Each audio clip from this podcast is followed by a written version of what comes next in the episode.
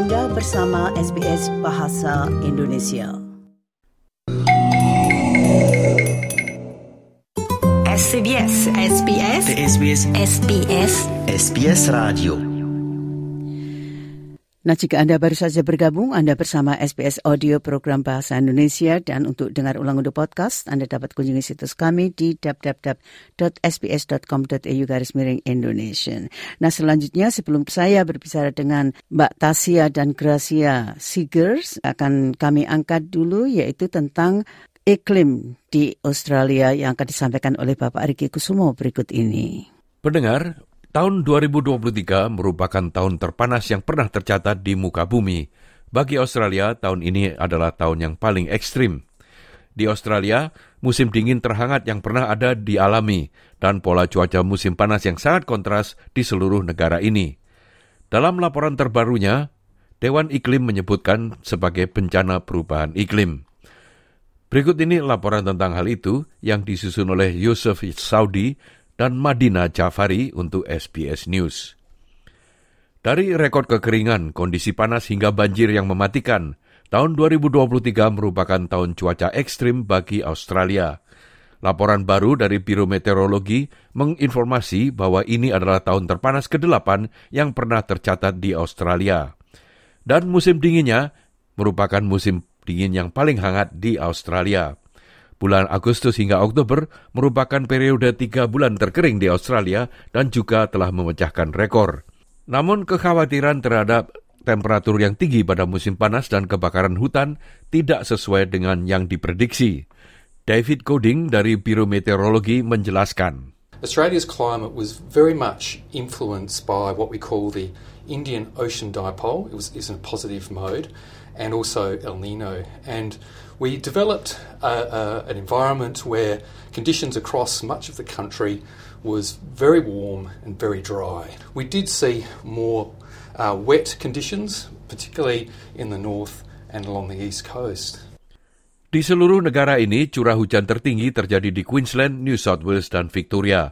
Sementara kobaran api mematikan, menghancurkan lebih banyak rumah di negara bagian Queensland yang terkena sinar matahari dibandingkan dengan kehancuran dari Black Summer tahun 2019 yang lalu. Gippsland di wilayah Victoria mengalami musim kebakaran awal diikuti oleh curah hujan ekstrim dan banjir bandang. Australia Selatan, Tasmania, dan Victoria juga mengalami rekor curah hujan tertinggi. Sementara Australia Barat mencatat rekor suhu terpanas pada bulan September. Rumah-rumah di sekitar Perth kini telah tiga kali terancam kebakaran besar, dan pantai timur mengalami kelembapan yang luar biasa tingginya selama periode musim panas ini. Dr. Simon Bradshaw, Direktur Peneliti di Climate Council, mengatakan ada banyak hal yang bisa dipelajari dari pola cuaca ini. The lesson from this summer really is that things are becoming more chaotic and unpredictable and harder to foresee. So we really got to take that message of urgency when it comes to looking after our communities and tackling the climate crisis. Climate justice is what we need, not fossil fuels and corporate greed. Climate justice is what Pada tanggal 8 Februari yang lalu, para aktivis dari Koalisi Iklim Pemuda Australia berkumpul di gedung parlemen mendesak pemerintah federal untuk mengambil tindakan lebih lanjut terhadap perubahan iklim. Para kaula muda ini melakukan perjalanan dari kawasan Australia untuk menghadiri pertemuan itu. We can't keep using fossil fuels and expecting the outcome, the worsening climate crisis, to change, because quite simply it won't. I'm calling on those in power to listen to youth voices and support an urgent transition away from gas and towards renewable energies. Pemimpin Partai Hijau Adam Bent juga membahas apa yang disebutnya sebagai pelanggaran terhadap undang-undang lingkungan hidup dari pemerintah federal. Labor says that it's serious about tackling climate change. Well, if you're serious about tackling climate change, then our laws must stop new coal and gas projects from being approved. Sementara itu, Menteri Lingkungan Hidup Partai Buruh, Tanya Plibersek, mengeluarkan tanggapannya. The Greens political party and the, the crossbench negotiated with the government a safeguard mechanism. The safeguard mechanism is the legislation that ensures that Australia gets to net zero.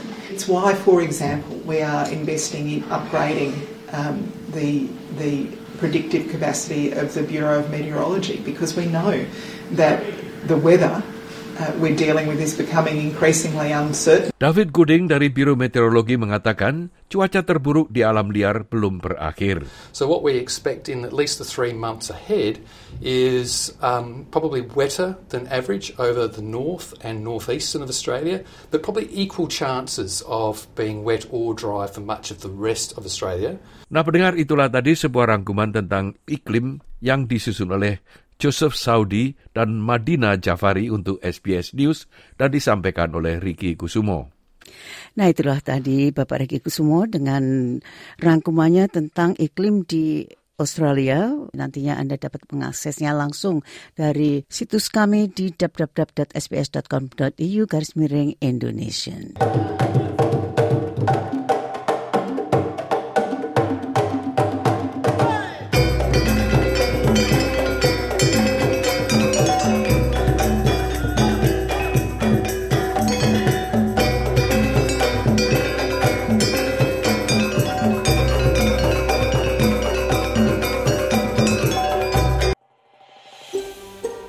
Anda ingin mendengar cerita-cerita seperti ini? Dengarkan di Apple Podcast, Google Podcast, Spotify, atau di mana pun Anda mendapatkan podcast Anda.